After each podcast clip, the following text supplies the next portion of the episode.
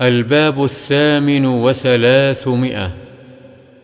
باب كراهة ركوب الجلالة وهي البعير أو الناقة التي تأكل العذره فإن أكلت علفا طاهرا فطاب لحمها زالت الكراهة. عن ابن عمر رضي الله عنهما قال نهى رسول الله صلى الله عليه وسلم عن الجلالة في الإبل أن يركب عليها.